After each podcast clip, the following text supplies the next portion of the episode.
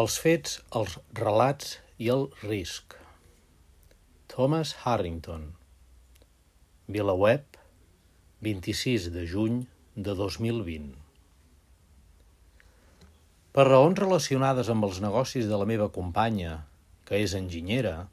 he passat bona part d'aquestes últimes dues setmanes en un racó bucòlic, però econòmicament deprimit, de l'estat de Connecticut. I com que sóc de lletres i en aquest punt de la meva vida no tinc gaire tirada per la fusteria, la pintura i les arts afins, vaig fer d'ordinari de la cap d'obres, cosa que em va posar en contacte, més sovintejat que no pas en la meva vida diària, amb gent sense estudis superiors. Com sempre que surto del meu petit món quotidià, vaig aprofitar la vinentesa per conversar amb tothom. No és gens estrany, en aquesta època, que gairebé totes aquestes converses derivessin ràpidament cap al problema de la gestió de la Covid-19. Durant aquells dies vaig participar en unes reunions telemàtiques i uns quants xats grupals amb els meus col·legues de la facultat sobre la millor manera d'encarar els desafiaments presentats pel virus el curs vinent. Em va cridar molt l'atenció el contrast, tant de to com de contingut, entre les dues tongades de converses els fòrums acadèmics, és a dir, assemblees formades per individus de la classe d'assalariats possiblement més protegida del país, que aquests darrers mesos havien fet les classes amb les comoditats de casa seva, en barris generalment benestants, les constatacions de por eren nombroses i contundents. Hi havia una solemnitat gairebé religiosa quan algú parlava del caràcter sense precedents del problema de la Covid –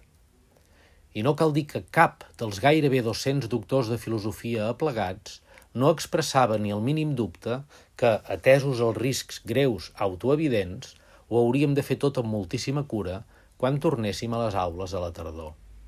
I fins i tot n'hi havia uns quants que s'oposaven frontalment a tornar. En les converses amb els homes i dones de l'àmbit rural, molts dels quals són practicants d'oficis artesanals i que durant el confinament van treballar sense aturar-se, generalment sense màscara, físicament molt a prop de treballadors de tot arreu, eren molt nombroses les expressions d'escepticisme, tant sobre la veritable gravetat del problema epidemiològic com sobre la necessitat i l'efectivitat de les mesures extremes emprades per combatre'l. I d'expressions de por, poques o cap. Sent consumidor com sóc dels mitjans de qualitat dels Estats Units i d'Europa, sé que hi ha una explicació pret a poc té que per molts membres de les classes més il·lustrades explica fàcilment la disjuntiva. I va si fa no fa així. La mancança d'educació d'aquesta gent i la tendència a omplir el buit interior resultant de teleporqueria i supersticions religioses la fa incapaç de percebre realment la veritable magnitud de tot això que ens desafia com a societat. Molt bé, tret que no quadra en absolut amb el contingut de les meves converses. Dels dos grups d'interlocutors, els únics que van parlar en termes mínimament rigorosos de la realitat estadística del problema i, doncs, del risc de mortalitat real amb què s'enfronten persones normals i corrents enmig de la crisi, van ser els meus interlocutors més rurals i menys escolaritzats. En canvi, entre els col·legues acadèmics, gairebé tot obeïa a les línies mestres del relat dominant dels grans mitjans. I les proves aduïdes per justificar l'actitud de l'arma no eren sinó anècdotes espectaculars i turbadores, però ben sovint ben poc representatives de les realitats socials més àmplies i estadísticament provades. En un cert moment en què es discutia el perill potencial per la salut dels nostres alumnes si tornem a fer classes presencials, vaig tenir la temeritat de parlar, basant-me estrictament en les estadístiques oficials, de la taxa de mortalitat de la Covid als Estats Units, després de gairebé 5 mesos d'epidèmia. En la part de la població que comprèn bàsicament tots els nostres estudiants, 15 a 24 anys, 125 morts d'un conjunt de 44 milions de persones. En la part de la població que comprèn gairebé tots els que tindran alguna raó per acudir a un campus universitari, de 15 a 65 anys, 19.913 morts d'un conjunt de 213 milions de persones. Però simplement em van menys tenir com es menys té aquell qui fa un pet sonor durant una missa. No, el fet que la xifra de morts en la població que estudia i treballa a les universitats sigui aproximadament la meitat dels que moren anualment al país en accidents de cotxes no feia cap efecte en el discurs que sosté que el perill mortal és real i immediat per a tothom. Una de les presumpcions centrals de la classe de persones que tenim estudis superiors és que estem automàticament molt més preparats que no els qui no tenen estudis semblants per separar el gra de la palla en el nostre entorn d'informació. Però no es té sempre en compte el possible efecte de la cerca d'allò que Bourdieu anomenava la distinció cultural sobre aquesta classe de persones. És a dir, com el desig de veure vivament confirmat el nostre estatus cultural superior en relació amb la gran massa pot fer que, en certs moments, suspenguem precisament allò que diem que ens fa especials i diferents, la nostra capacitat de discerniment intel·lectual. Dit d'una altra manera, quan hi ha un assumpte de debat que posa en joc quantitats significatives de prestigi cultural, o diners per la recerca, el groupthink és una possibilitat tan real entre els savis com entre els menys instruïts, cosa suggerida fa molt poc en aquestes mateixes pàgines per Joe Brew,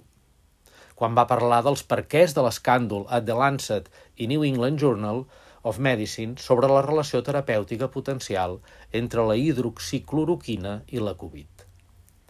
Encara més,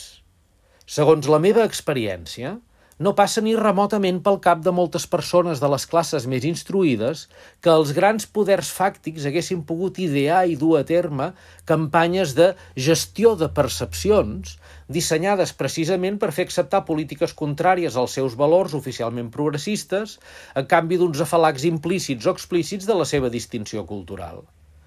I en els pocs casos en què sí que s'admet com a possibilitat teòrica,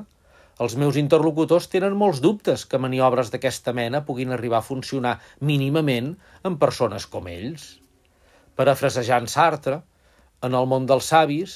els presos dels relats que menys tenen els fets empírics sempre són els altres. Tanmateix,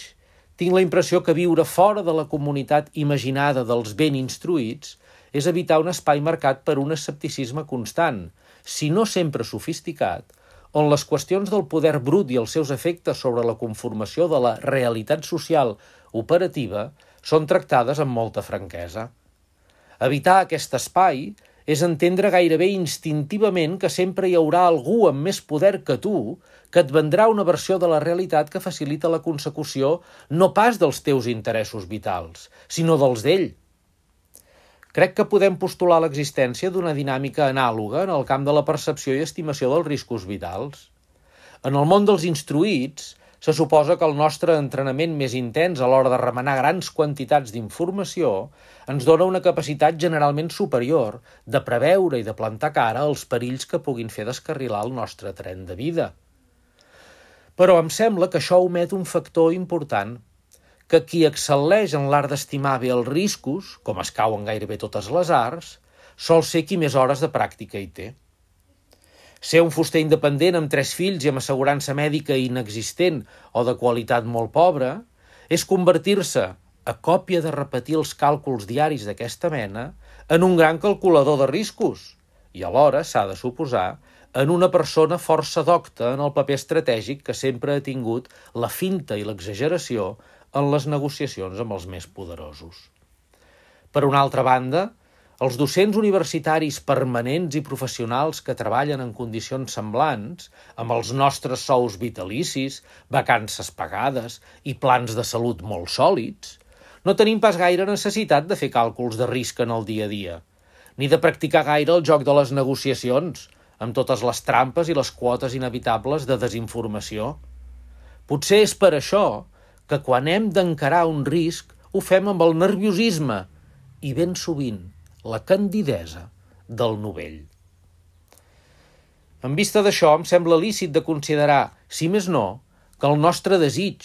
com a gent educada, sovint àvida de distinció cultural, el nostre desig, dic, de renglerar-nos amb aquells que els nostres mitjans locals de qualitat han identificat com els portadors non plus ultra de capital cultural científic en combinació amb una mancança relativa d'escepticisme, producte del nostre estatus de guanyadors dins el sistema social i d'informació actual, pugui, de vegades, convertir-nos en presa fàcil de campanyes de gestió de percepció ben dissenyades pels grans centres de poder social i financer. Altrament, com es pot explicar, si no per solidaritat entre gent de bé ultraconfiada en la qualitat per se i a perpetuïtat dels seus, que, primer, després d'haver fet unes gestions absolutament desastroses de la crisi, Fernando Simón i Oriol Mitjà continuïn sent referents quasi intocables sobre la Covid a la premsa peninsular. Segon,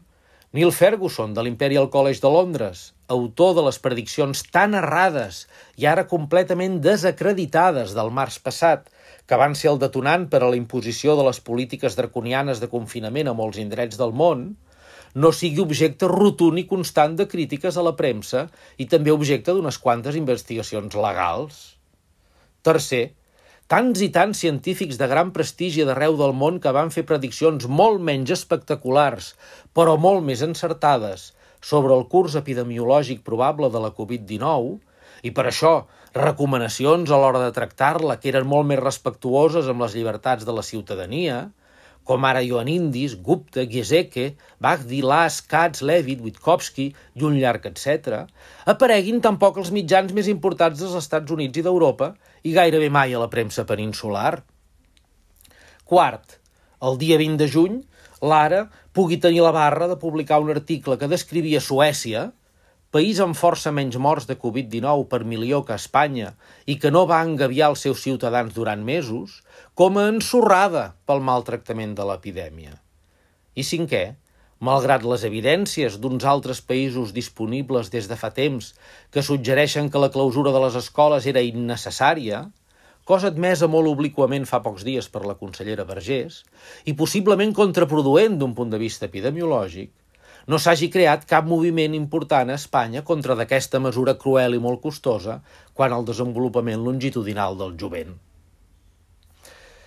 El meu últim article, quan vaig suggerir que la relació entre règims més durs de confinament i la prevenció de morts pel virus era bastant aleatòria, cosa que unes simples comparacions de morts per milió entre Espanya i Suècia o Espanya i Alemanya, o sí senyor, Espanya i els Estats Units, proven clarament, vaig ser acusat d'ignorant i apologista de Trump i fins i tot n'hi havia que demanaven que el director de VilaWeb, Vicent Partal, em censurés. A la llum d'això potser em convé d'explicar què no dic. Primer, no dic que hi hagi una societat de savis rurals que sempre saben més que la gent amb estudis. Segon, no suggereixo que la Covid-19 no sigui real i que no hàgim de prendre mesures serioses per combatre-la. I tercer, no dic que no creguin el mètode científic ni en els científics. Però sí que suggereixo que tenir una formació intel·lectual superior no és, a diferència d'allò que molts semblen pensar, cap garantia contra el perill d'empassar-se relats que deformen seriosament la nostra comprensió dels fets empírics. Si en el cas dels altres hi ha una tendència a atorgar un paper relativament més important a les persones que parlen en nom de certs poders sobrenaturals i espirituals, en el cas nostre, hi ha una tendència creixent a venerar d'una manera perillosament acrítica les abstraccions altisonants emeses pels qui, treballant amb un sistema de recompenses que per raons d'autoafirmació vocacional volem creure generalment racional, però és molt lluny de ser-ho, han pogut adquirir parcel·les substancioses de capital cultural. Una crida a posar en qüestió tot allò que diuen les autoritats? No, més aviat un recordatori de la gran importància de la circumspecció intel·lectual en tot, especialment en relació amb allò que ja sap tothom.